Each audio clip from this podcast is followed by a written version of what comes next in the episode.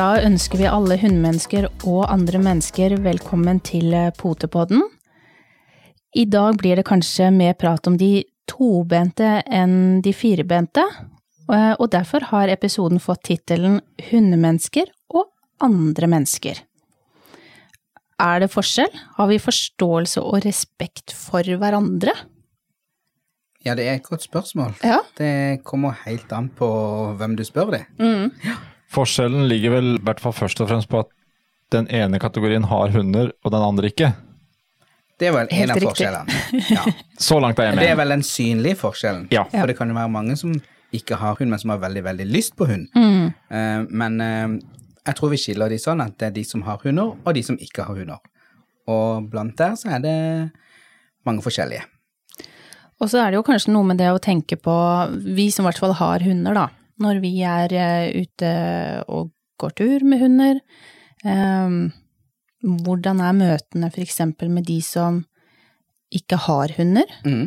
Eh, kanskje ikke de er så glad i hunder, syns mm. ikke at det er så stas. Noen bare liker det ikke, noen er kanskje redde.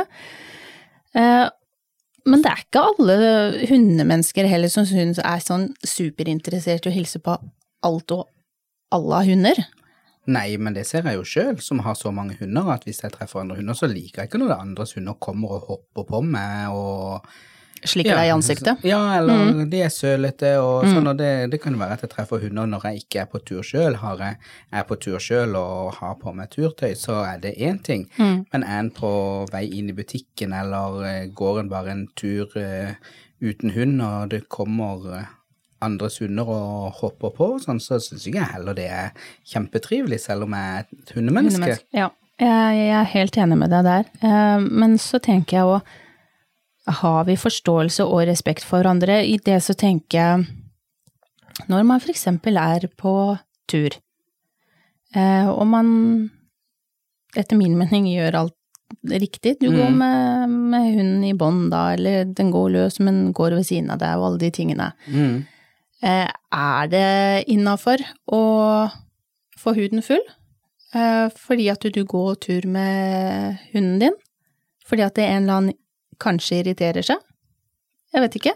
det er jo ikke noe greit å få masse kjeft eller sånn hvis ikke hun har gjort noe, bare fordi du går med en hund i bånd på tur, så tenker jeg det Det må jo alle få lov til. Ja. Så, men, men jeg tenker hvis du går med så langt bånd, eller du går forbi og, og du møter noen med en unge som går og spiser is, og plutselig hun din bare nafser til seg den isen og sånn, så skjønner jeg jo at mm. foreldre kan bli eh, irritert. Da og er det jo lov å reagere. Og da skjønner Ja, jeg jo at barn det. kan bli redd. Ja. Men jeg tenker generelt, hvis du ikke lar hunden komme bort til noen, Mm. så tenker jeg det Da har jo ingen noen ting med hva du egentlig gjør. Nei. Men vi er vel, altså Der er vel både hundemennesker og andre mennesker ganske like med det å For vi er vel inne på noe av det vi har snakka om før i podden. Å bry oss for mye om hva andre gjør, Mm. enn bare akkurat å passe på oss sjøl. Mm. Og så er det noe med vanlig, fornuftig folkeskikk. Uh, Hva er det? uan, ja, hva er det? Det kan Ja, være ganske vidt. uh, Jeg tror ikke vi skal gå inn på å definere hva vanlig og god folkeskikk er. For, Det Da- kan være sprikende. ja. Og det er ikke sikkert at folk som treffer meg, mener at jeg har vanlig folkeskikk. Nei. Det kommer, der òg er det helt opp til hvem den De treffer. har jo jeg og- også tenkt litt på innimellom. Eh, ja. Jeg har òg tenkt på det og tenkt at det var ikke god folkeskikk, men det driter jeg i, for den personen fortjente ikke god folkeskikk. Man har jo noen av de dagene der òg. Men det vi kan kanskje være enige om, at uansett, hundens oppførsel er eh, vårt ansvar, eh, oss som hundeeiere. Og vi skal prate mer om disse tingene med ukens gjest eh, i podden i dag, og vi skal snakke om båndtvang, blant annet. Vet alle hva det er?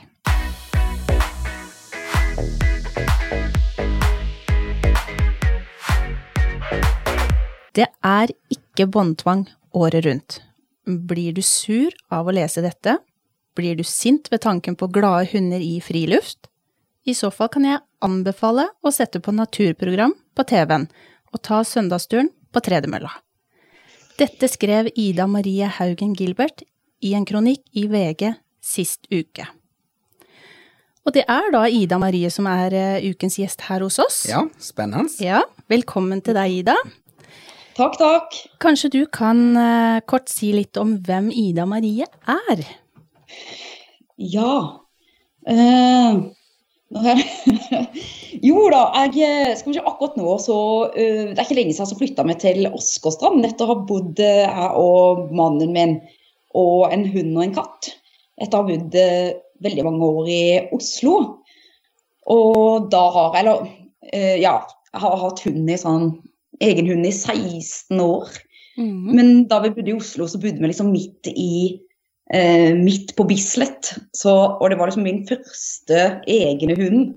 Sånn at da valgte jeg eh, en litt mindre type som ikke kunne Jeg har alltid hatt litt lyst på samoyed. Mm. Så valgte jeg en mindre type som jeg tenkte at det Ja. At det, det, det kunne gå ganske greit med å få eh, trikk og T-bane, og som ikke nødvendigvis trengte den veldige veldig store mosjonsbehov, da. Mm. Eh, men da fikk jeg i hvert fall oppleve ganske mye ja, mye om hvor mye nettopp det er valg av hund eh, ja, Valg av riktig hund og rase og individ har å si, da. Mm. Mm. Men jeg hadde egentlig regnet meg sjøl som et slags kattemenneske. Eh, helt fram til Eller egentlig alle dyrmennesker. Jeg er veldig glad i dyr. Eh, men da jeg var student eh, i Trondheim på NTNU, så var jeg sånn krisehjem for, eh, for sånne omplasseringshunder. Ja. Og da hadde jeg alt fra sånne Newfoundlander med veldig dårlige manerer, og, og, til en sånn lydig cocker spaniel. Og husker jeg liksom hang sånn vannrett i lufta etter, sånn, etter en eh, sånn husky. Og ja, det var ikke måte på, og det satte seg liksom Pyreneerhund fast under senga og sånt. Nå. Så um, ja, det er fall litt min sånn hundebiografi. Mm. Uh, det er jo ikke noe tvil om at uh, du på lik linje som oss brenner for uh, hunder. Ja. Men det jeg er litt nysgjerrig på, hvorfor mm. valgte du å skrive denne kronikken? Det er jo, om vi kan si det, det er jo som å sette fyr på et bål. Oh, ja, det var tydeligvis det. Jeg uh, Ja, det var først og fremst var det akkurat den dagen. For, så, som jeg skrev den, det gikk sånn Det var raste ut på to timer, og etter at jeg hadde møtt to sure damer på tur Enda, enda to sure damer som trua meg ja, å ringe politiet og eh, var helt sikker på at dette var, det var strengt ulovlig å ha hunder løs.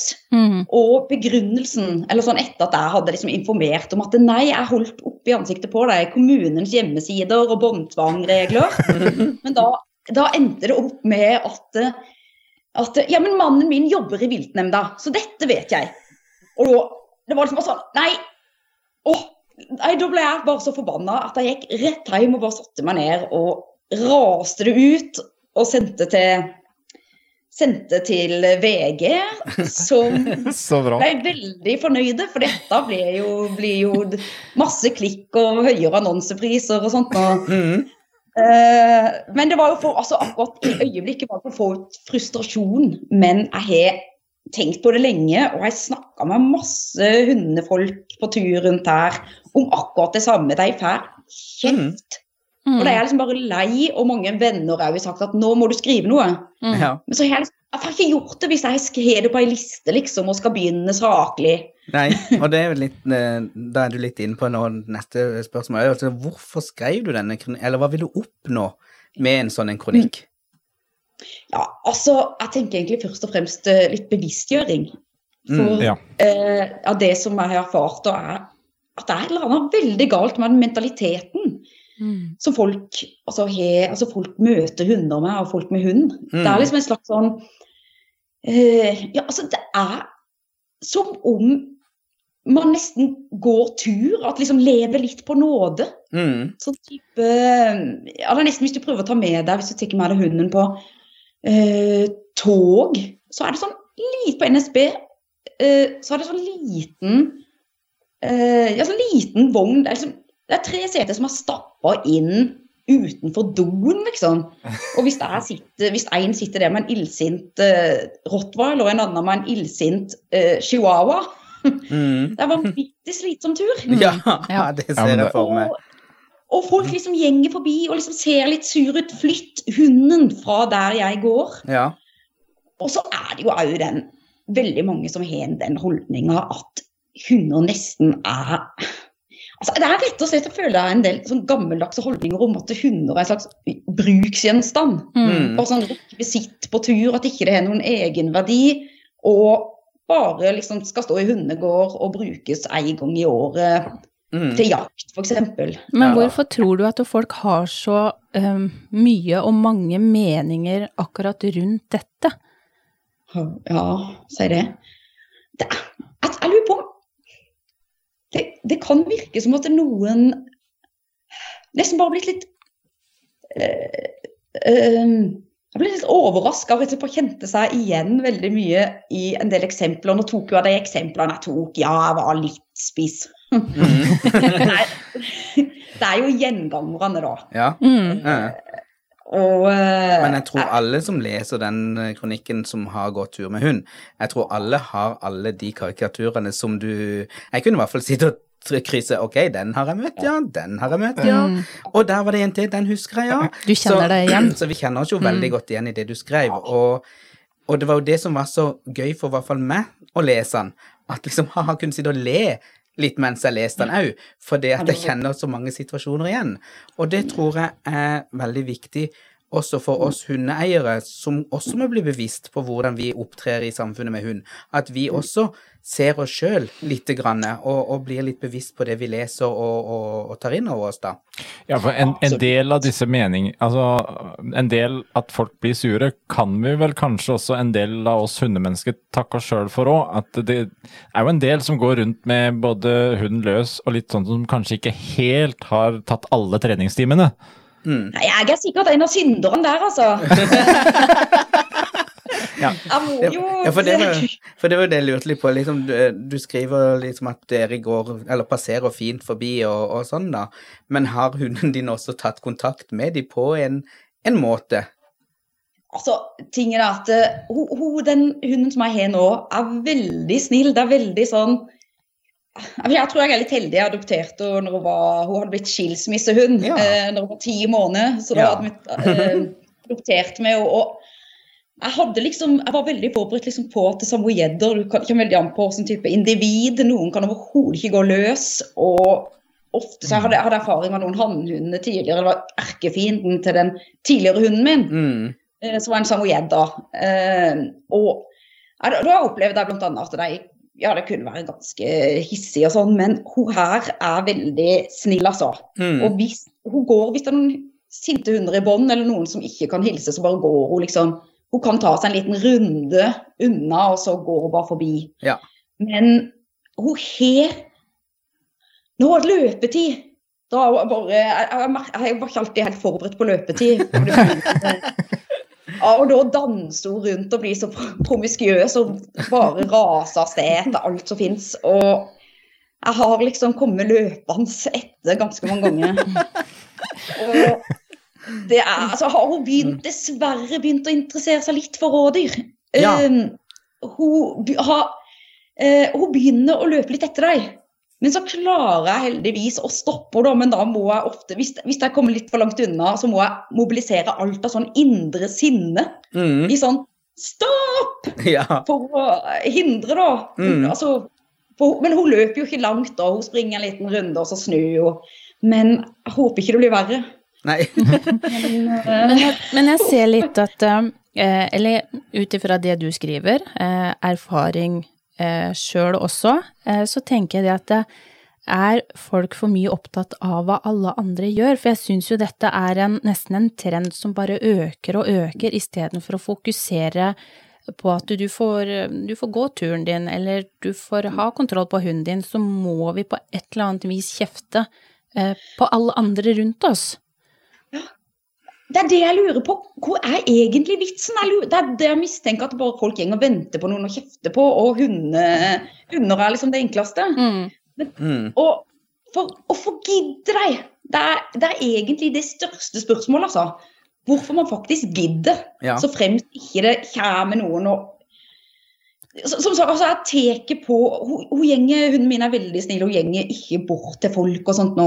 Og Mhm. hvis noen er veldig redde, så tar jeg selvfølgelig eh, eh, Det er mulig jeg var, litt skarp i den kronikken mot at eh, OK, eh, folk med Nei, det sa vel Nei, den tror jeg faktisk har fjerna før det kom på trykk. Folk, Ja, fortell oss om den! Fortell oss om den. ja, det var litt sånn at folk Det fantes angstmestringskurs og sånt, og som andre sosial angst. Ja. For hunder er jo en del av samfunnet. Det er jo det. Og, Det er det altså vi har tatt med inn, liksom. ja, og det er litt sånn som eh, eh, Hvis en tar litt med at, dyr er en del av samfunnet. Og jeg meg og samboeren min vi flytta litt langt inn i skogen med bare én nabo. eh, med alle våre hunder og dyr og ja, hele Noas ark. Og så, ja. og så kommer eh, Første naboen sier når han kommer og skal liksom hilse oss velkommen til bygda eh, Jeg håper ikke dere har hest? Nei. Jaha! Eh, nei. Ok, vi bor på et småbruk og har hunder og hest, men hvis ikke du liker hest og ku og sånne ting, hvorfor bor du på landet? det er sånn, Hvis du ikke liker dyr eller sånn, hvorfor går du steder der, det, der du potensielt kan treffe dette, da? Det har jeg sagt til noen på tur. Jeg tror jeg sa til en eller annen fyr som ble rasende, ganske svær fyr, som, eh, som så veldig tøff ut, at eh, som hoppa unna når jeg gikk. Jeg hadde hunden i bånd, faktisk, men han gikk, hun gikk i litt sånn løst bånd. Hoppa unna og begynte å kjefte fordi at jeg eh, Ja, så hunden kom litt for nær, eller noe sånt, og da sa jeg rett og slett til henne at ja, men hvis ikke du tåler dette her, så heller bare liksom gå, Hvorfor gjenger du ikke en tur i gågata midt i Mm. byen, liksom? Det er sånn Du må bli vant til det du skal møte. altså hvis Ja, Jo, men i, i, det i, er det tenker. Ja. Mm. i gågata så er det jo mange mennesker òg, vet du. Det kan være skummelt, det òg. Hvis jeg, det er det jeg sitter og tenker, at hvis det er sosial angst Ja, så tenker jeg at eh, sånn som du beskriver, for det er det, det, det vet jeg flere som eh, opplever at de er på tur i, eh, ja, i bybildet da, for å lære denne valpen sin og til å takle bylivet og sånn, og de lærer De må lære seg litt manerer der. Og så er de jo nysgjerrige hunder mange ganger, og kanskje snuten kommer litt nærme en unge eller et bein eller sånn, og da er det sånn 'Å, pass hunden din', og 'Å, ta vekk hunden din'. Liksom, ja, men den har jo ikke gjort deg noe. Den har sett på deg. Den, den var ikke nær deg. Og så står du her og skjeller meg ut og nesten forbanner meg og, og sånn. Liksom, det, det er litt den derre Hvis folk som er redd for hund og sånn òg ønsker respekt, så i hvert fall vis respekt tilbake. For det, du kan si ting på veldig mange måter. Eh, og selvfølgelig, og det er litt sånn som jeg sa når vi hadde snakka om det, at eh, hvis noen begynner å kjefte meg ut, da tenner de på en eh, fyrstikk, altså. Da, da ja. blir det månelyst. Men er det noen som sier 'unnskyld, kan du være så snill å ta den litt vekk', for jeg liker så 'å, beklager', det var ikke meninga, ikke sant? En bare CTH og ikke sant, og ja. Det, Ja, ja. det, er, det går litt begge veier, dette her er jo at folk som er redde, ja, det er lov å være redd, men du kan faktisk snakke til folk eh, på en ordentlig måte. Men det er jo blitt nesten et sånt samfunnsproblem, det der med at alle skal mene alt om alt mulig. Men tenker vi det at det skikk og bruk og dannelse er faktisk en mangelvare? Eh, Ja. Nå, tenker jeg. Det er jo det, ut ifra hva vi alle vi også har opplevd. Hvorfor kan man ikke si fra på en grei måte? Em, I hvert fall møte med en, eh, en hyggelig tilsnakk, da, om vi Ja. kan si det sånn. Som Steinar sier, eh, kan du være så snill å, å ta til deg hunden, istedenfor å begynne å banne og sverte og bli ufin i første, i første tone. Eh, man kommer jo som regel aldri langt med det. Det blir bare uhyggelig. Så det er litt sånn som jeg ser både i kommentarfeltet ditt eh, under denne kronikken, og jeg ser generelt på Facebook, Steinar, òg, som vi har pratet om tidligere, når det har vært stilt spørsmål. Eh, hvorfor kan man ikke svare hverandre på en grei og eh, respektfull måte, istedenfor å si at du er både dum, eh, du burde ikke ha hund, eh, det kommer mange hva skal jeg si, ufine kommentarer som ikke har noe, Også har noe der der å gjøre. usaklige. Ja. Altså, Ja, Bare barnslig, vet du. Ja, men det er det. Og så så har jeg bitt meg merke i mange Eller i overskriften som Dagbladet lagde, eller om det var du som lagde den, det vet jeg jo ikke, men Eller VG. Jo, det Eller, nei, jeg mener VG. I VG. Ja, ja. um, at eh, båndtvangen er jo utheva. Men det du skriver om, er jo ikke båndtvangen i seg sjøl, bare den. Du nevner jo mange ting som står i hundeloven. Og, eh, og der ser vi jo i kommentarfeltet at mange blander mange av de tingene som står i hundeloven, eh, og, og tenker at det er båndtvangen. Men det er jo som du sier òg, at båndtvangen, det er kun for bufe og utmarksdyr og redde bo og nyfødte dyr eh, og sånn. Eh, det er jo båndtvangen som er til. Det er ikke fordi at du som er redd skal ferdes trygt og godt i skogen. Så, så det er nok en generell oppfatning at eh, båndtvangen, det er også for mennesker. Men det er det dessverre ikke. Nei, det er det folk tror. Veldig mange tror, og det er Ja, det, det er akkurat det. Og eh, sånn i forhold til det åssen folk snakker eh, Altså, jeg tenker jo det. Det var veldig mange som ble pottesure fordi at jeg hadde noen litt sånn eh, Ja, det var vel kanskje litt sånn karikatur Nei, det Ja. var ikke karikatur, det er høyst levende, de eksemplene som jeg nevnte.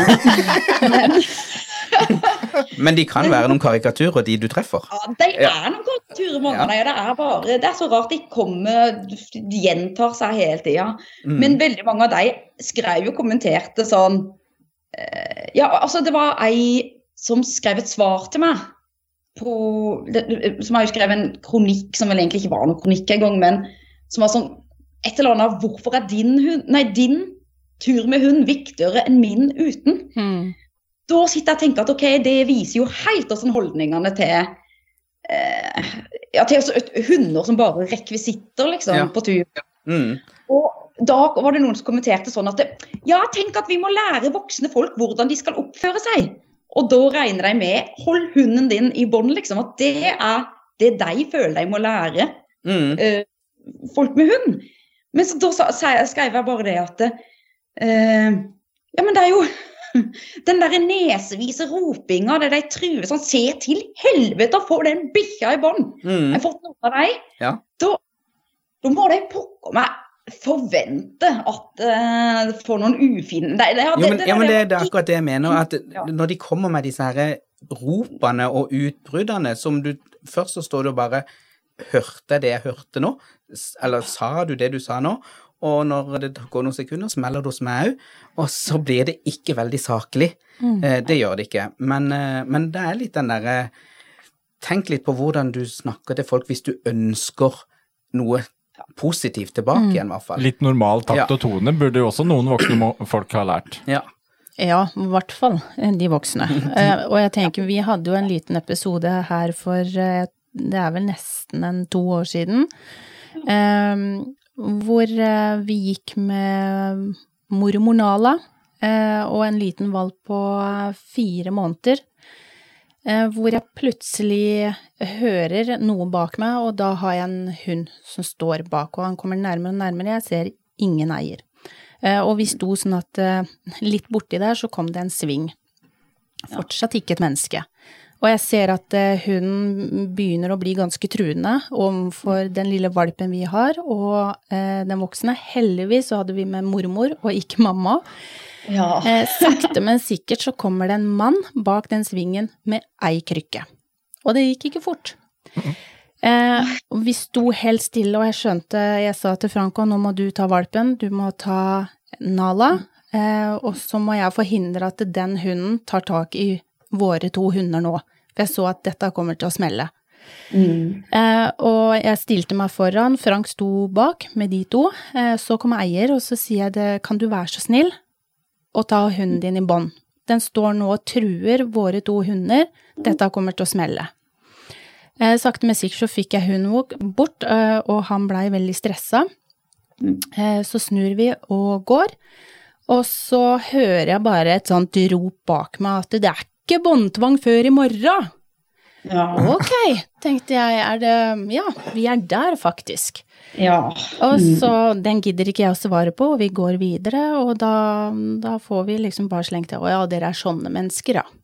ja. Så, og, og der òg har du igjen litt det med feiltolking av båndtvang og sånt noe, og så har du klart, har du det med at eh, Og det sånn, er den. Ja, sånne hendelser, de er vel også litt av grunnen til at vi møter disse her uh, som da setter H og trekker deg hunden. Men det det er er jo klart, vi, vi ja. har nok en del Ja, det er mange slurving ja. blant hundemennesker også.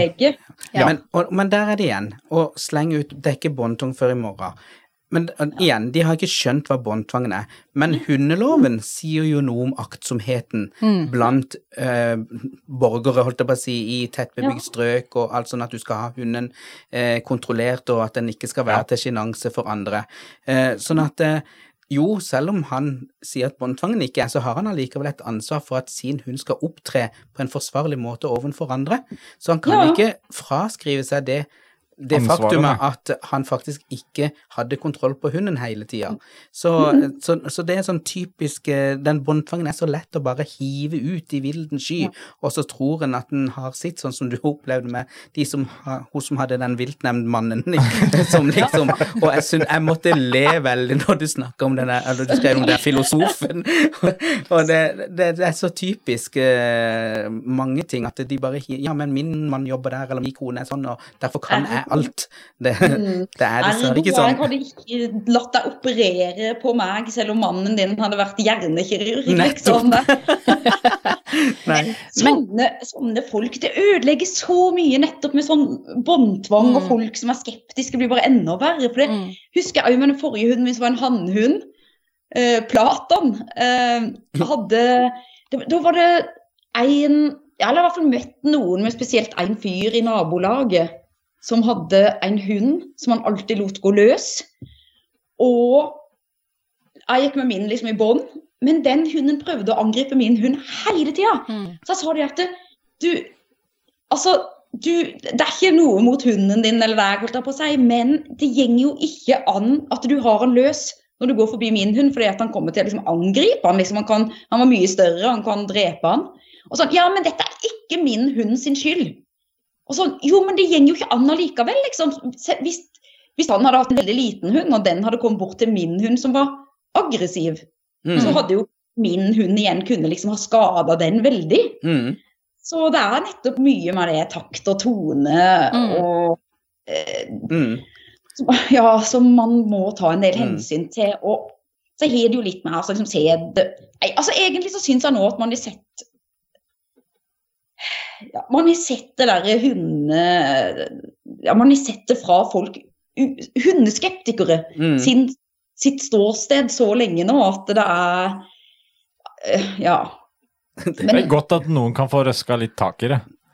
Ja, Det var, det var jo derfor Jeg Ja, det, det håper jeg liksom at det kan bevisstgjøre ting litt for hundeeiere òg. At det kanskje ikke er nødvendig å være Det er jo mange som har sett sånn løfte opp hunden sin, nesten. Mm. Hvis det, se, Ja, selv om ikke hunden går løs, så er det liksom Og hundene blir jo livredde og hissige fordi at Nei, Ja. Mm. Nei, det, er- det er mange Men, De, de vil jo bare bable av gårde om Ja. jeg merker. men tenker, du at, tenker du at vi hundeeiere er gode nok til å ta hensyn når vi ferdes rundt med hundene våre? Altså, det er jo der som jeg tenker at det er alltid Det er sikkert mange som ikke som, altså, Det er dere liksom nettopp snakker litt om det å kanskje ha litt tillit, da. Mm. Eh, til at folk faktisk tar hensyn og liksom vet at ikke hunden er farlig. Og, Mm. og faktisk stole litt grann på det. Det er jo alltid Man, ja, man vet liksom ikke hvem man Hvilke folk man møter heller, da. Nei, det er jo nettopp det. Du vet jo aldri. Men har vi Nei, forståelse for at noen kan reagere på at en hund går løs?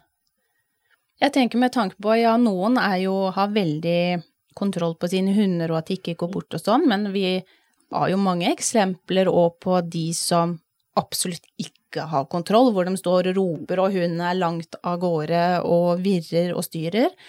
Ja. Um, Nå er det jo ikke alle som har kontroll på barna sine når de er ute og går tur heller. Jeg syns ikke det er noe Nei. bedre heller. nei, Nei. Ja, det er jeg enig i. Det er liker ikke barn, men jeg, selv om jeg er sånn grinete og sur barneforvalter, så prøver ikke jeg å liksom ødelegge gleden.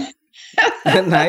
Jo, men, ja, men det var da sånn som vi snakka om litt før eh, du kom, kom med her. eh, Det er jo det at eh, Sånn som jeg òg eh, Jeg liker barn, men ikke i enhver situasjon. Mm. Eller, avstand. altså, ja, jo, ja, men det er litt den. Eh, Det er de barna jeg kjenner, de syns det er jo greit å ha med å gjøre og alt mulig sånt, men sitter jeg på bussen eller sitter jeg på et venteværelse, og det kommer en unge og skal vise meg legoklossen eller tegninger, altså, bare, ja, men hvorfor Det er ikke mitt barn, få det vekk. Det. Jeg vil sitte her alene og se på telefonen, jeg vil ikke at dette bare skal klasse rundt på meg og, og sånn, så det blir litt den, den der òg, altså. Så, Det, det går jo litt på det der å være litt, eh, ha litt Ja. kontroll på, hva, på seg sjøl og sitt, Mm. istedenfor å måtte passe på alle andre. Men jeg har jo, nå har jeg trent en hund som, eh, ja, som både du og jeg kjenner, Steinar, eh, som bor i Oslo. Som har utfordringer eh, med møte av andre hunder. Eh, dette er en person som har eh, da tatt en omplasseringshund. Mm. Eh, og de jobber veldig intenst eh, med det her. Han er ikke aggressiv, han er ikke ute etter å ta noe, men han skjønner på en måte ikke forskjellen i at eh, hvorfor får jeg ikke hilse? Han blir så overivrig.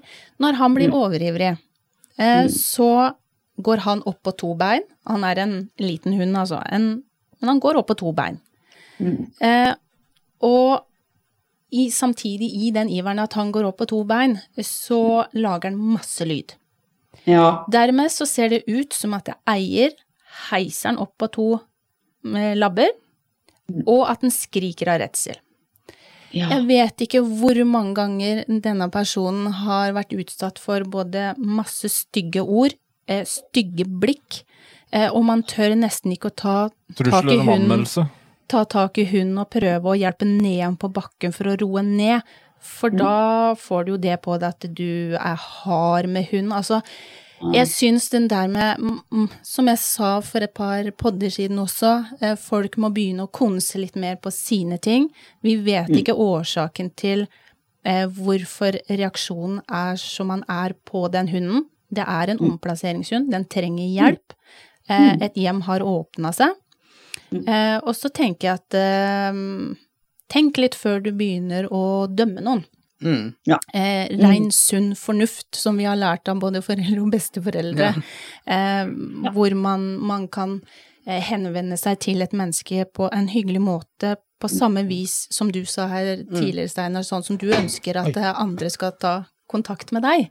mm, Eh, jeg syns at den bør de med hunder, eh, de uten hunder generelt, folk bør begynne å bli mer høflige, og det ser vi også og de med barn. Og de med barn. Ja. Men det ser vi også Vi ser det også nå i pandemi, Mm, koronapandemien.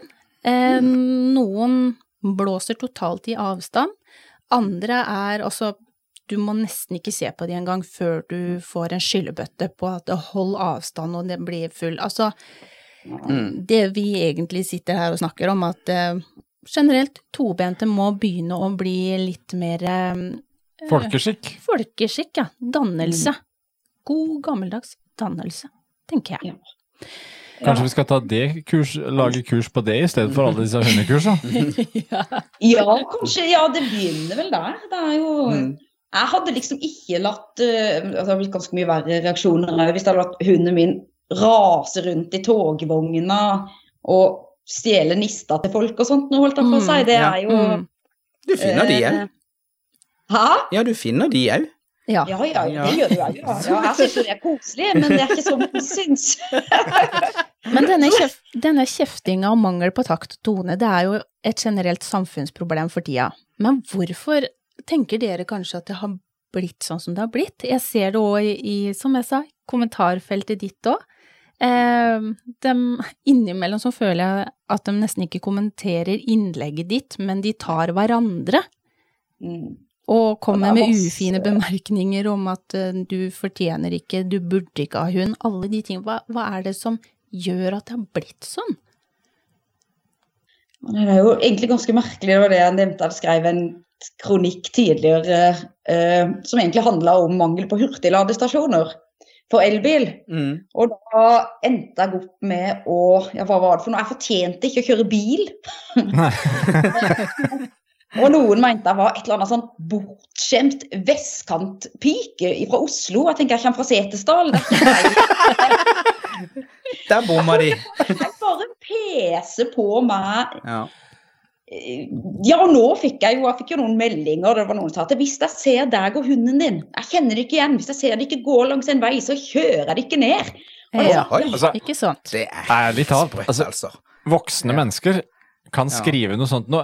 Det, er jo- det, det, er jo- det er jo her problemet ligger. Ja, og derfor lurer jeg på hvorfor, eh, hvorfor har vi blitt så uforskamma, og ikke minst i kommentarfelt. Er det fordi at vi blir ekstremt tøffe når vi på en måte ikke står face to face, men det kommer eh, som en kommentar inne eh, under en, Det er så en greit chat å s- eller ja, sitte hjemme i stua bak skjermen sin og tastaturet. Eh, da mister vi liksom litt eh, grepet, fordi at Mm. vi trenger ikke face noe. mm, Nei, og så tror jeg det er også den samfunnstrenden at uh, alle skal vise seg. Selvrealiseringa.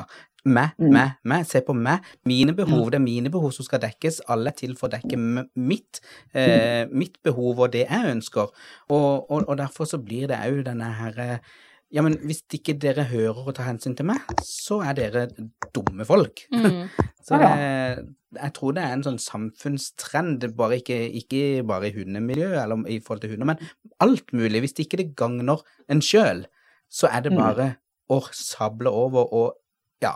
Mm. Mm. Ja, liksom, ja, øye, ja det, er, det er faktisk det er sant. Det er veldig Akkurat det er liksom så nesten litt ubegripelig, altså. Det er Men altså, jeg tenker, hvorfor setter ikke folk seg inn i reglementene før de begynner å hakke løs på noen? Det blir litt For meg, er- altså, du er bare ute etter å kjefte. Det er sånn det Mm. føles. Så det er sånn som jeg hadde håpa kanskje å nettopp ja, liksom påpeke litt med den, eller jeg håper i hvert fall at det vil komme litt fram med den kronikken, da, at det, ehm, at det Ja, eller i hvert fall så viser det en mentalitet da, som gjør Mm. at folk bare regner med at ja, men dette er jo ulovlig. Mm. Eh, og hunder det høres nesten ut som du skal bære deg i bur på tur hos mange. Og Mm. for all del ikke i bur. Nei. Ikke, ikke skriv Ja. kronikk om det hvis du vil leve. Ja, ja, ja. Men du har fått mange positive kommentarer og en del negative etter den kronikken. Eh, påvirker det på noen måte? Altså alle de her, både de positive, men og kanskje spesielt de negative. Påvirker det deg på noen som helst måte i forhold til eh, Har du ikke lyst til å gå ut og gå tur? Er du redd for å se kommentar? Altså, hva tenker du rundt det?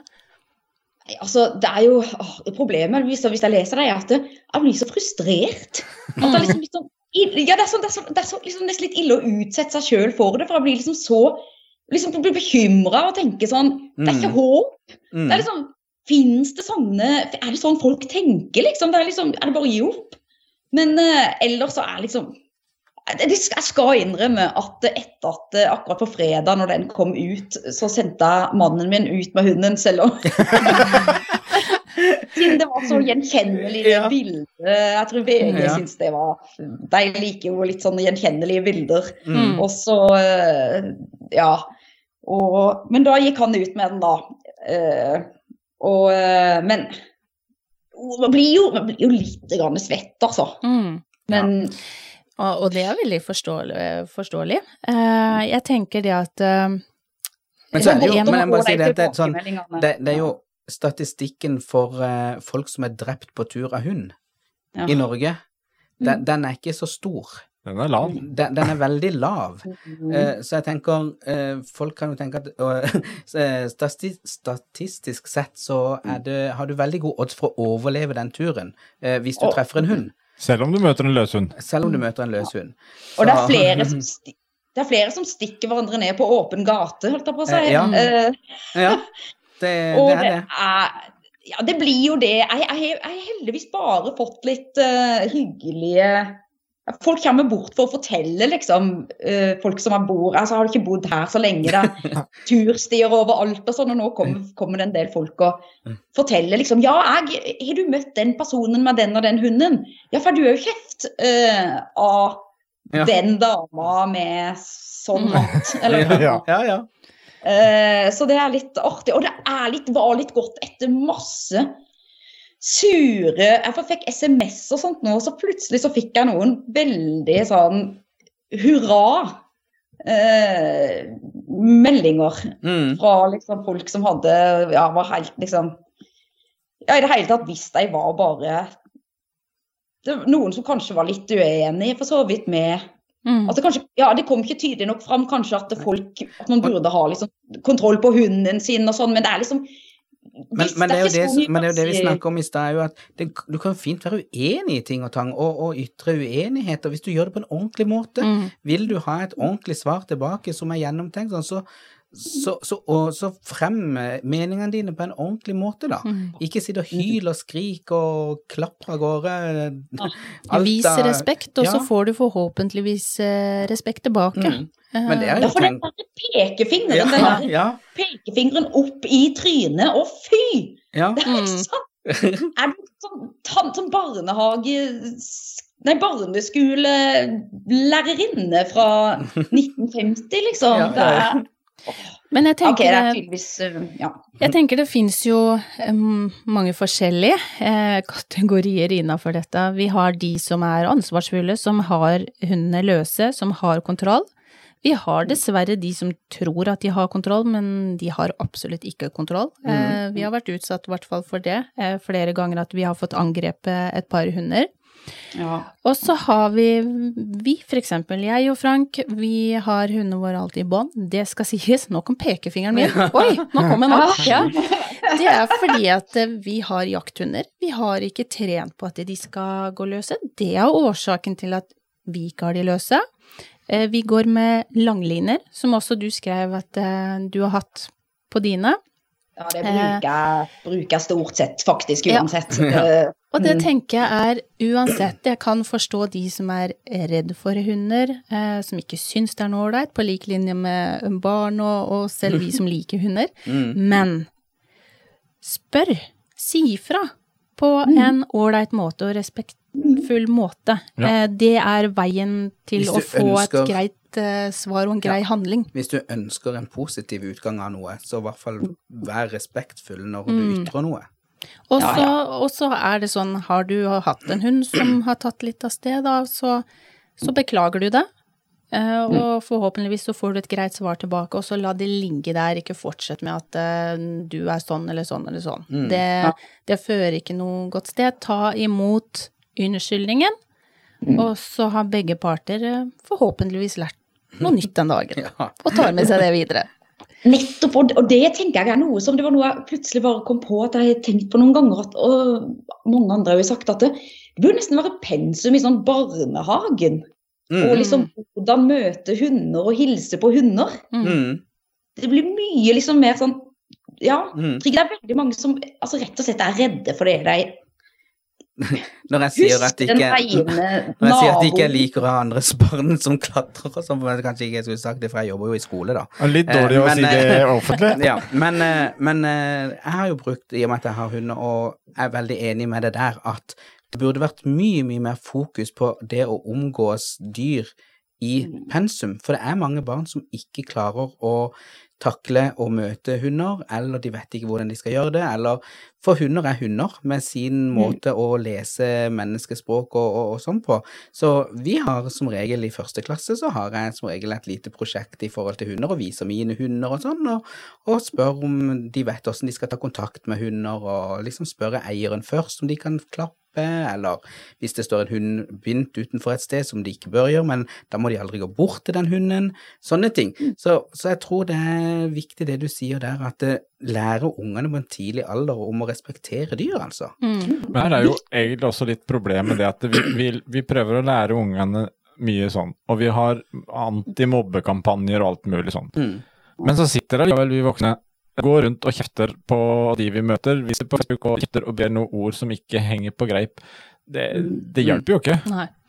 Jeg må innrømme at det noen ganger så er jeg så himmelrig hvis det er noen som kommer med skikkelig ufin kommentar, så må jeg inn og se hvem dette mennesket er.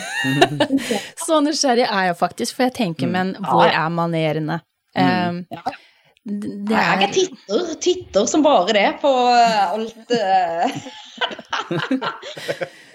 Så vi har, eh, vi har mye å lære, Mm. og jeg syns også lytterne våre Mm. har bekjente. Ta gjerne øret inntil denne podden, Mm. denne episoden. Lytt litt til hva som blir sagt. Formidl det videre. Og så håper jeg at vi kan begynne å bruke en litt annen takt og tone til hverandre. Med det så tror jeg vi eh, sier tusen, tusen takk til deg, Ida Marie, Kjempeartig å høre dine tanker bak kronikken. for at du òg ville være med oss Mm. i Potepodden og fortelle litt rundt eh, kronikken som du har skrevet. Og så tenker jeg at vi eh, kommer tilbake til andre temaer etter hvert. Ja, det gjør vi. Ja, men takk, eh, takk for at du deltok, det var veldig stas, og dette skal jeg virkelig begynne å høre mer på. Så Det er hyggelig. Det, Det er bra. liker og vi. anbefaler videre. Who let the dogs out?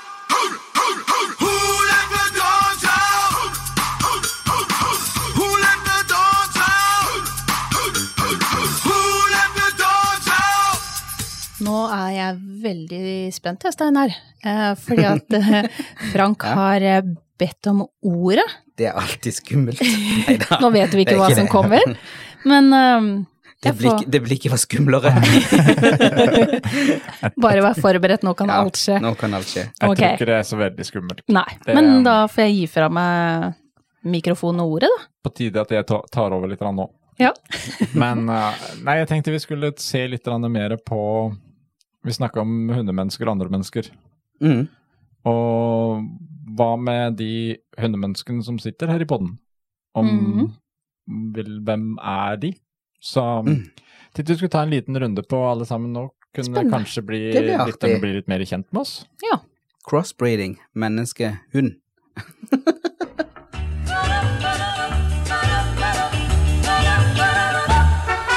Jeg ønsker jeg hadde lite menn, en snill og lurvet en. Jeg syns at en liten hund er fin, men det syns ikke pappaen min. Og mamma hun sier du må forstå at slik en ting kan du ikke få. Du har jo så mye fra før, og den er ikke noe for oss, min venn. Men jeg vil ha en liten hund. Jeg vil ha en liten hund. Hvem er det som den beskriver, tror du? Det må nok være min sang. Det er hundemennesket Steinar, altså. Det er det, ja.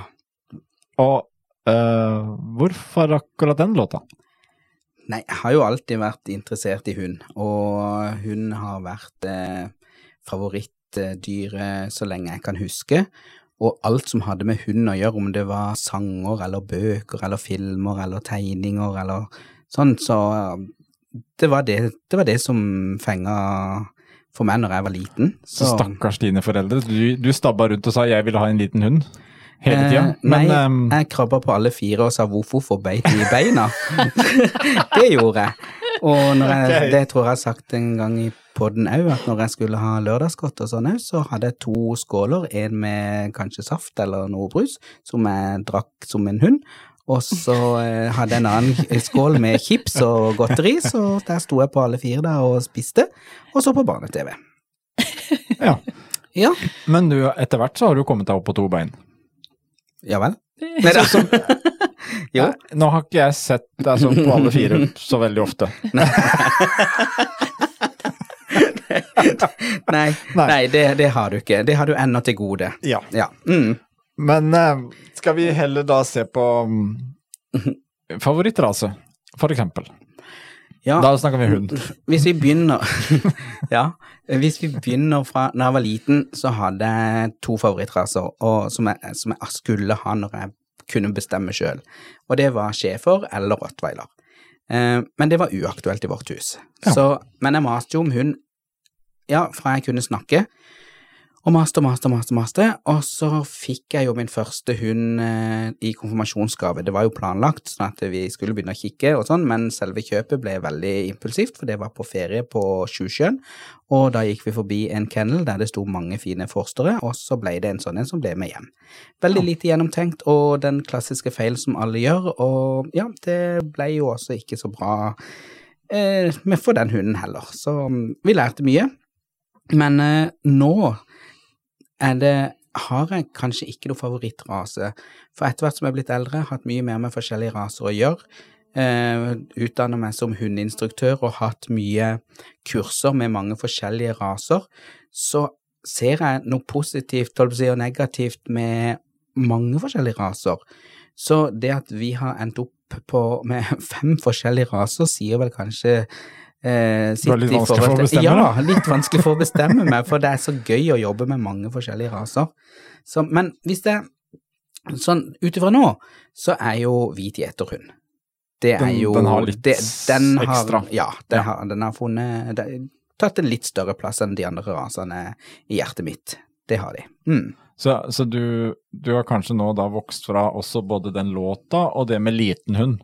For det er jo ikke så mange små hunder i den flokken, det er et par små. Det er et par små. Vi har eh, to chihuahuaer og en eh, Volpino Italiano. Ja. Eh, men eh, det er litt rart. Jeg, jeg kan godt sette på den sangen igjen. Ja. Det er, det er vel en stund siden, men eh, det er nok ikke mer enn et års tid siden som den kom på radioen når jeg kjørte, tror jeg, og da var det rett opp med volumet og bare satt og nøyt.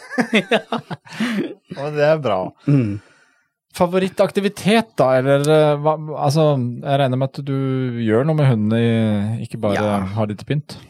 De er mye til pynt, og så trener vi jo en del til utstilling, eh, som er blitt min favorittøvelse. Ja, Det er Det utstilling er som er utstilling som er hovedtingen. Og så blir alt det andre med å trene litt søk, og trene litt rundering, trene litt smeller, trene litt agility.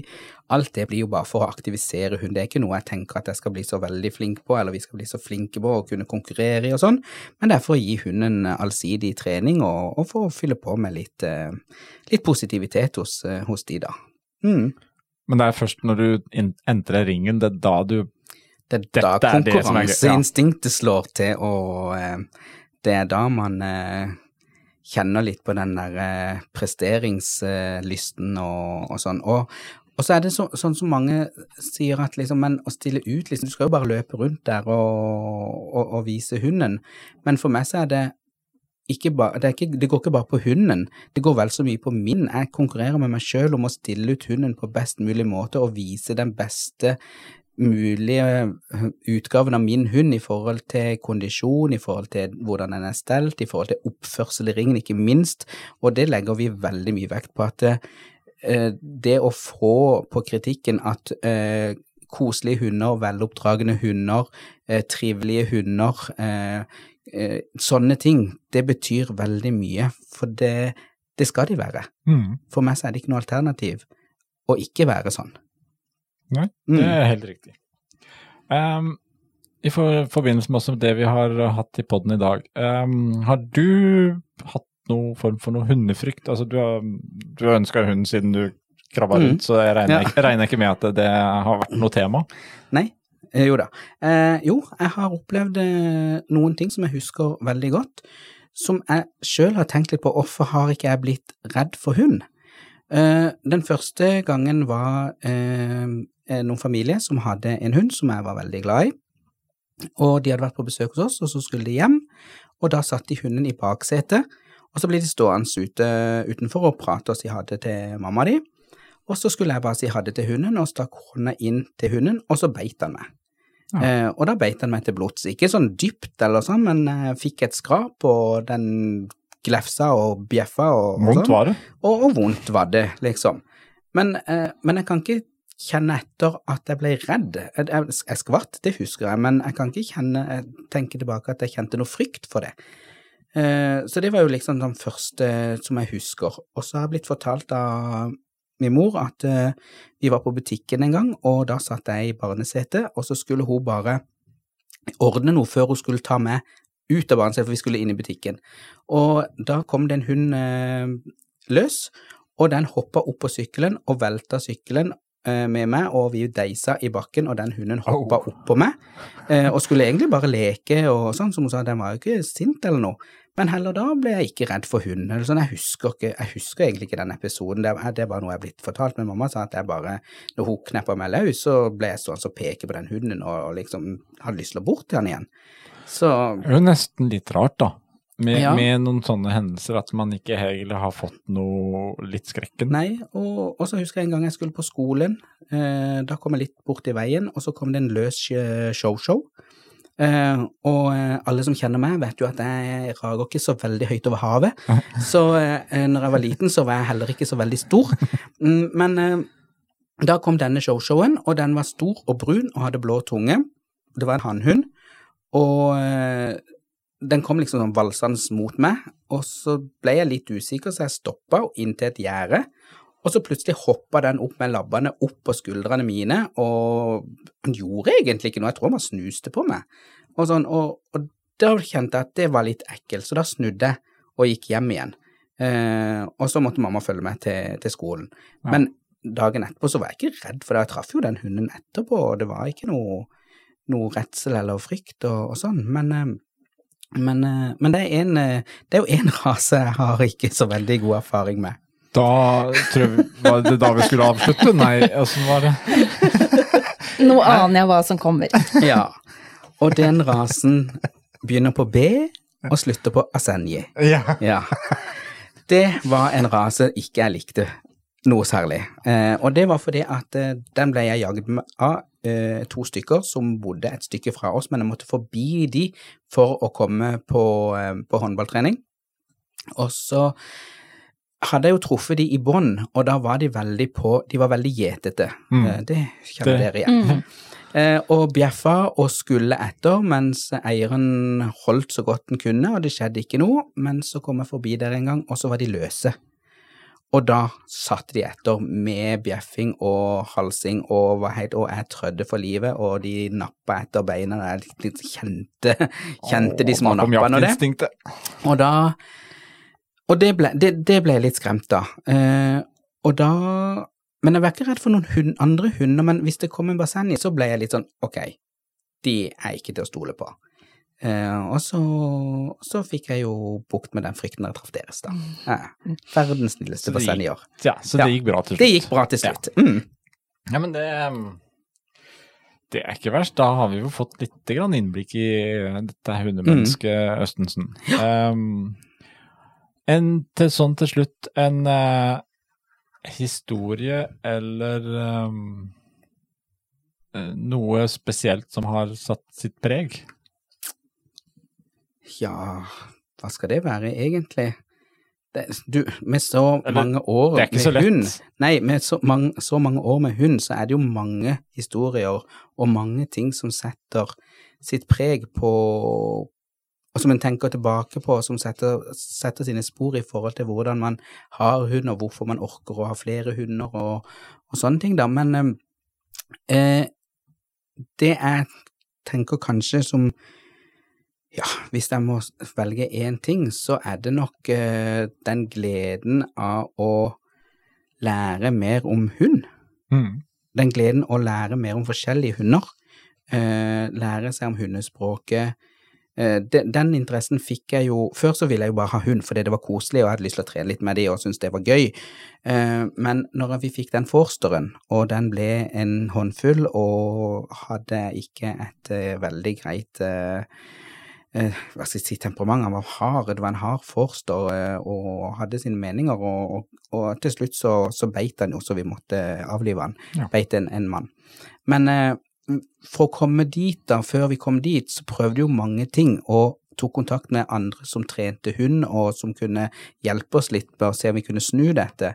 Og det var jo da min eh, interesse for det å trene hund våkna for fullt, for å se og lære mer om hvordan hund fungerer og, og sånne ting. Så, så det å lære om hund og lære nye ting og lære nye individer å, å kjenne, det som er noe av det jeg setter mest pris på. Da gikk, hun. hu- gikk hundeinteressen over til lidenskap. Det var det det gjorde. Ja. Og siden har det bare vært en sånn uhelbredelig ting. Det er, det er min, min private pandemi. Ja, men det er jo ikke det verste, det. Men som jeg sier, eh, for dere begynte jo med den der um, sangen som liksom skulle, som er liksom min, og det, Ja. ja. det, er, det er min sang. Uh, og, eh, men sånn avslutningsvis så kunne nesten ta det For uh, det er jo når en skal stille ut og, eller konkurrere, så har man kanskje noen sånn faste rutiner. Eh, jeg hører jo mye på musikk for å få opp, liksom, og, Mm. og preppe meg. Eh, og en av de sangene jeg hører på, ikke rett før jeg går inn i ringen, men sånn i oppbygginga, kanskje i bilen, kanskje et par dager i forveien, det, det er Tina Turner med Simply the Best. da går den på full gnu, Ja. og så går jeg gjennom i hodet mitt hvordan jeg skal stille opp hunden, hvordan jeg skal løpe, hvordan jeg skal forholde meg til dommeren hvis dommeren ønsker sånn eller ønsker sånn, og, og, og sånne ting. Og det er en sånn gladsang og en litt sånn derre preppesang som gjør at, eh, at lysta til å prestere blir enda større. Mm. Og det er jo som jeg sier, som jeg sa i stad, at jeg konkurrerer mer med meg sjøl enn jeg konkurrerer med de andre. For jeg har det utgangspunktet jeg har i hunden, og det har alle de andre òg. Og så er det bare om jeg er flinkere til å vise fram min hund, sånn at dommeren skal legge merke til den. For alle hunder har feil på en eller annen måte.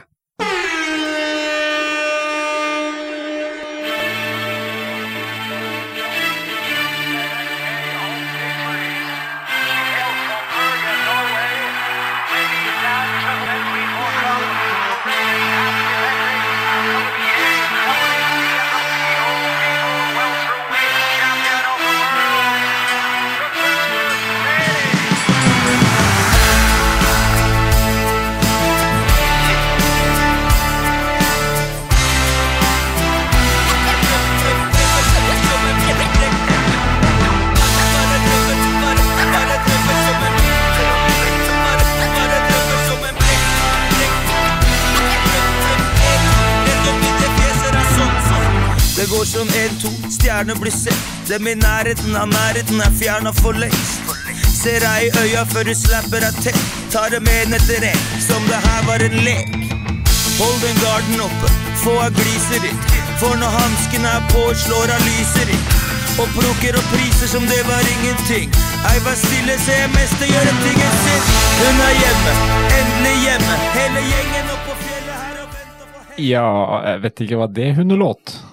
Hvem, hvem er det som nå føler at dette var kallet til å stå fram? Nei, det er jo min, da. Det er min låt. Kanskje en ganske eh, stor kontrast til, til min og eh, Steinar sin. Men Hvor, eh, hvorfor den? den inspirerer meg. Den gjør til at jeg kommer i fokus, klarer å yte bedre. Eh, Forberede meg på blant annet sånn som utstilling, når vi, når vi skal det. Eller når jeg trener hunder. Eh, For meg så er For dette er jo en låt som er dedikert til Cecilia Brekkhus. mm. og for meg så er eh, Cecilia et menneske som er eh, målretta, eh, fokusert og veldig dedikert i jobben sin. Eh, det å trene, gjøre seg klar til en kamp. Eh, selv om nå er det jo ikke en kamp jeg går inn i når jeg går inn i ringen, men det går på mye, mye av det samme. Eh, og det å ikke minst eh, klare å stenge alle forstyrrelser ute, og kanskje da de mest negative som kan være i en utstillingsring. Enten om det er det at du vinner, og noen har noe de må plukke på deg, eller synes syns at det ikke var en fair bedømmelse. Eh, rett og slett stenge dem bare helt ute, og holde beina godt planta på jorda uansett hvilket resultat du får. Og selvfølgelig, den gir masse, masse energi. Jo, men det, det gjør den jo. Ja. Nå, nå begynte jeg Han liksom pumper jo godt. Ja, nå, nå begynte jeg å se for meg nå eh, Det nærmer seg utstillingssesongen igjen, og når det skal en uh, Turan og en uh, Octavia bortover til Orre nå, så er det bang, bang, endelig hjemme, og Simply the Best som bare dundrer vestover. Det Ja. uh, Ja. hvorfor ikke? Jo, men det, det er Jeg, skjønner den. Uh, men altså Den er jo ganske den, den hørte du ikke på når du satt i vogna, som liten iallfall. Så Nei. Eh, Men når ble du et hundemenneske? Eller Jeg er du født sånn? Nei, jeg, jeg har vel alltid Jeg har vel alltid vært et eh, hundemenneske, generelt dyremenneske. Eh, men jeg fikk jo min første hund da jeg var eh, rundt 11-12 år. og brenner veldig for hunder. Jeg, jeg syns de er fine dyr. De er fordomsfrie. de er kjærlige, trofaste, ikke minst morsomme. Og så liker jeg å samarbeide med, med hunder og skape et godt forhold og relasjon til, eh, til hunder, og ikke minst til eh, våre hunder, da, som vi har eh, hjemme. Ja. Og det ble fra interesse til lidenskap der og en gang, Ja.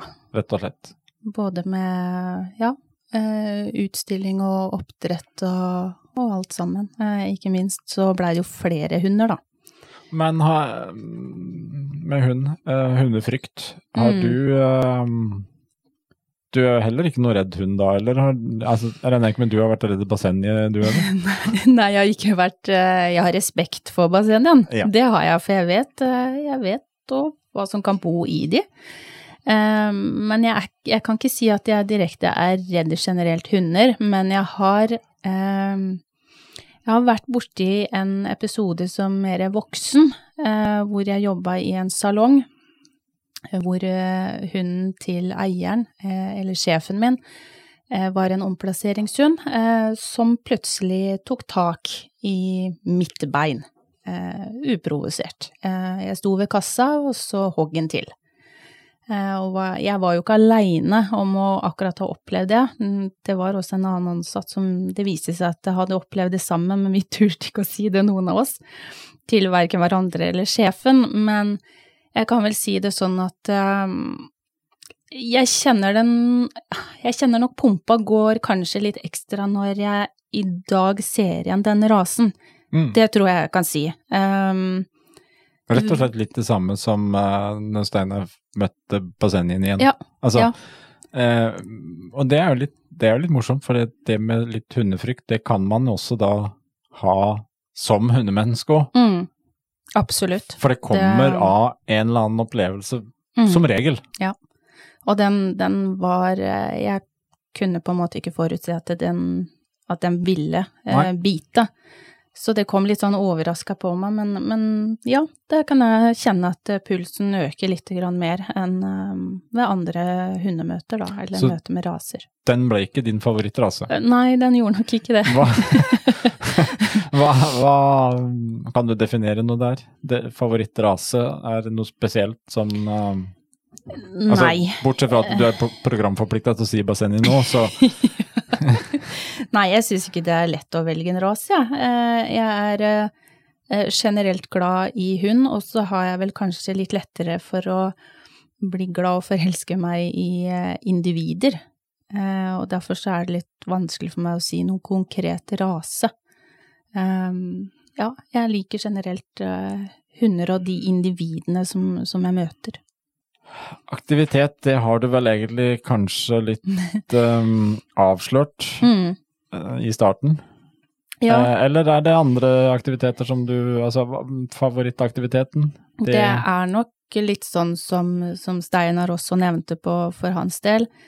Ehm, utstillingsringen er det som eh, jeg syns er morsomst.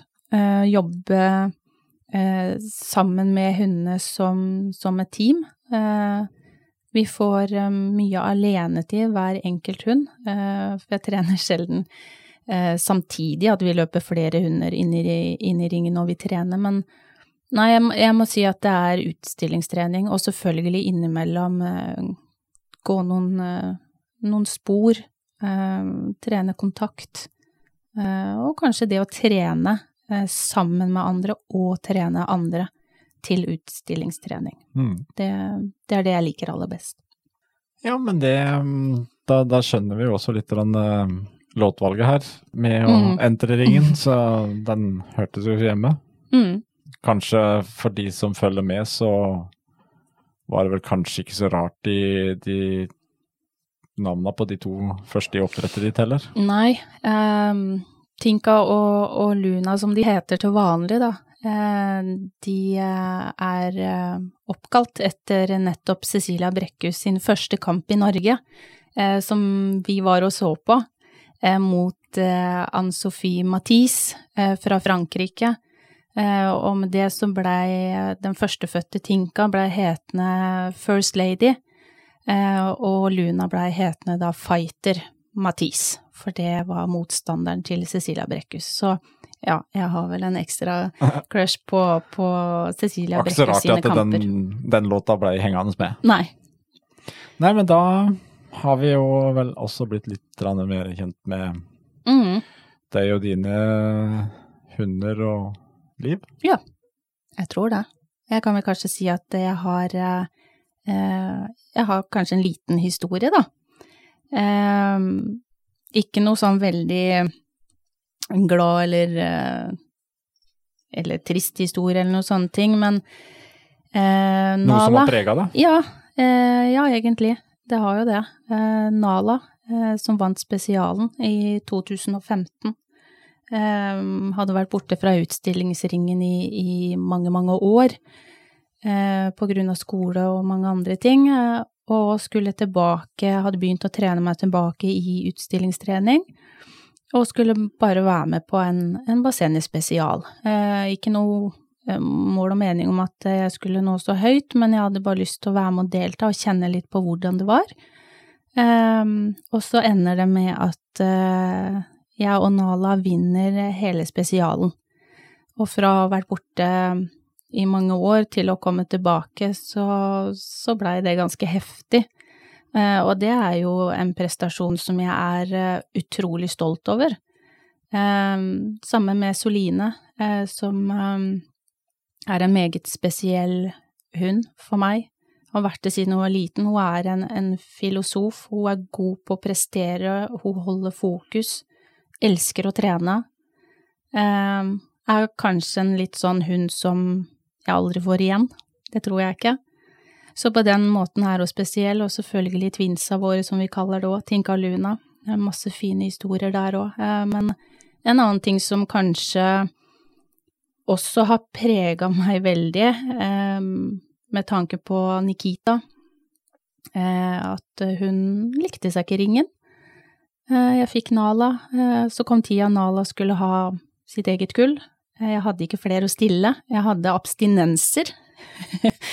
Eh, Og så tenkte jeg at ja, men da kan jeg prøve å, å stille Nikita igjen, begynne å trene. Eh, Jeg hadde lært mye mer, andre teknikker, fikk henne på plass, begynte å stille henne igjen. Og i en alder av åtte-ni år å gå i veteran, så har hun da dunka inn tre sert, og alltid hatt konkurranse, og fikk dermed championatet, faktisk. eh, Som pensjonist. Ja, i veteran. Ja. Som veteran. Mm.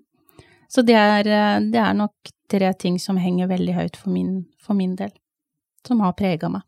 Ja, På men det positive, da. Ja. Ja.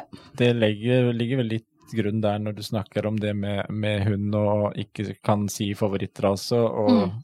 her er det også igjen flere hunder som egentlig setter sine sterke preg hele veien. Mm.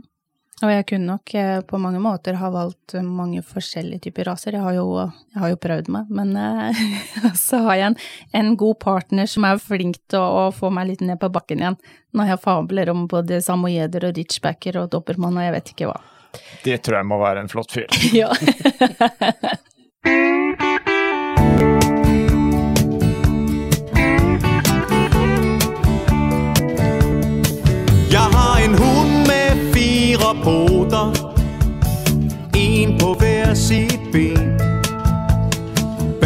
Bagpå sidder halen fast og vipper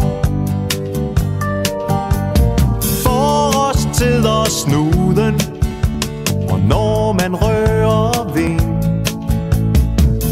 Kan man mærke om den skulle have feber Du kan få kvinder og kager og jordbær for sjov. Men der er intet så skønt som en buffet i vår. Ja, vi kan vel egentlig nå smiles det godt rundt i, i studio her i Globen vår. Uh, vi har vel egentlig et ganske allsidig uh, musikkutvalg her, kan vi vel være enige om. ja. Um, det var jo altså min uh, hundelåt. eh, gamle Shubidua med Wuffeli Vov. Eh, fordi at jeg syns bare den er drita kul, kort og godt.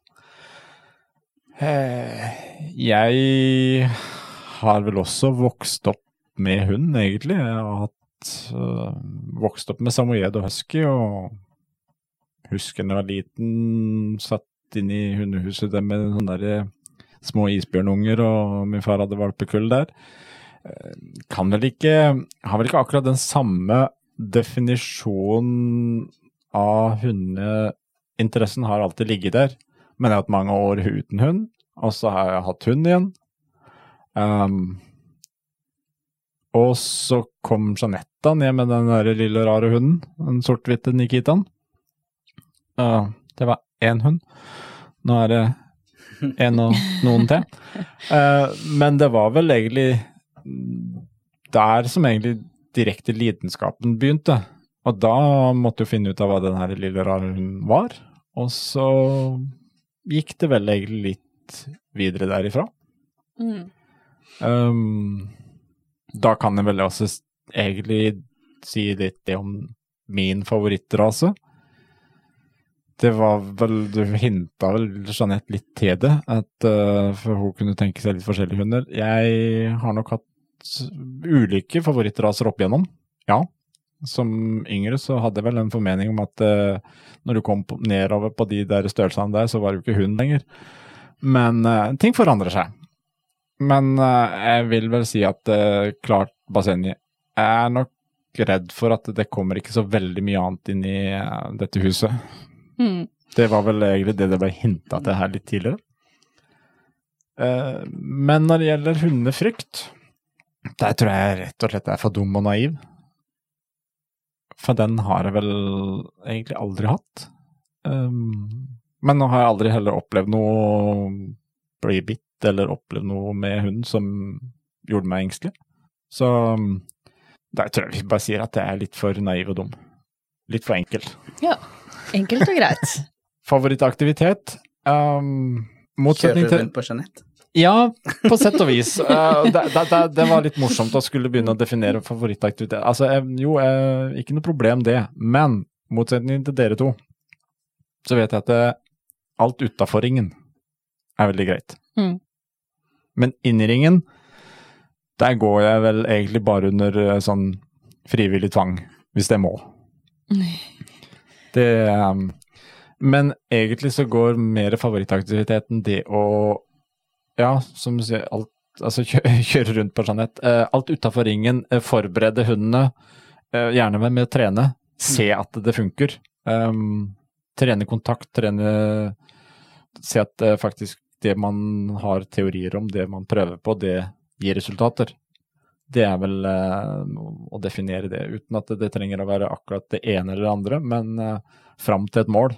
Og det kan vel også sånn sett bringe inn på en, en liten historie. Um, der kan det sikkert være mange, men den som kanskje der uh, ligger egentlig mest nå, det er um, han her eh, som vi tok inn igjen som omplassering. Det å da ha en hund som du begynner å trene så intenst som da har litt uh, issues og utagerer, og ikke i det hele tatt er eh, noe å ha blant andre hunder. Og fra det å begynne å da trene han og si at om en ca. fire uker så skal han inn i ringen. Og da ser jeg når han plutselig kommer på sin første utstilling og faktisk får serte. Det er nok en av de historiene som for meg står altså, sterkest nå, fordi at det, det nytter. Når, vi, når jeg starta og gikk første utstillingstreninga med han, i ca. sånn tre meters avstand fra ringen, med en som var både på to og fire og alle bein, og ikke så ut som han kunne oppføre seg i det hele tatt, og så går det noen uker, så kan han stå der og ta et sert. Uh, da er tilbake til det å trene hund, det å se at det, faktisk det man gjør, det virker. Og, og der ligger vel også litt sånn da dette med Wuffeli Vov. Um, det er intet så skønt som en buffel i WoW. Jeg syns jo bare det er det morsomste som fins. Det er derfor også det det her er lille hjørnet mitt på CK-akademiet med ploggen, som da har fått sitt navn på Buffalo WoW, og er en plogg fordi at det er ikke en blogg, det er en potelogg. Så um, den låta har uh, Den er jo nesten like gammel som meg sjøl. Ja. Se det. Gud, så gammel. Det der kan vi heldigvis klippe bort. Men uh, det var, det var ganske voksen før jeg hørte den første gangen, egentlig sånn sett. Men eh, nei, den har vært gjennom i mange år. En sånn derre Dette er hundelivet. Men da tror jeg det at eh, siden jeg sitter fortsatt med kommando og mikken her, så kan jeg få lov å si at eh, vi snakkes.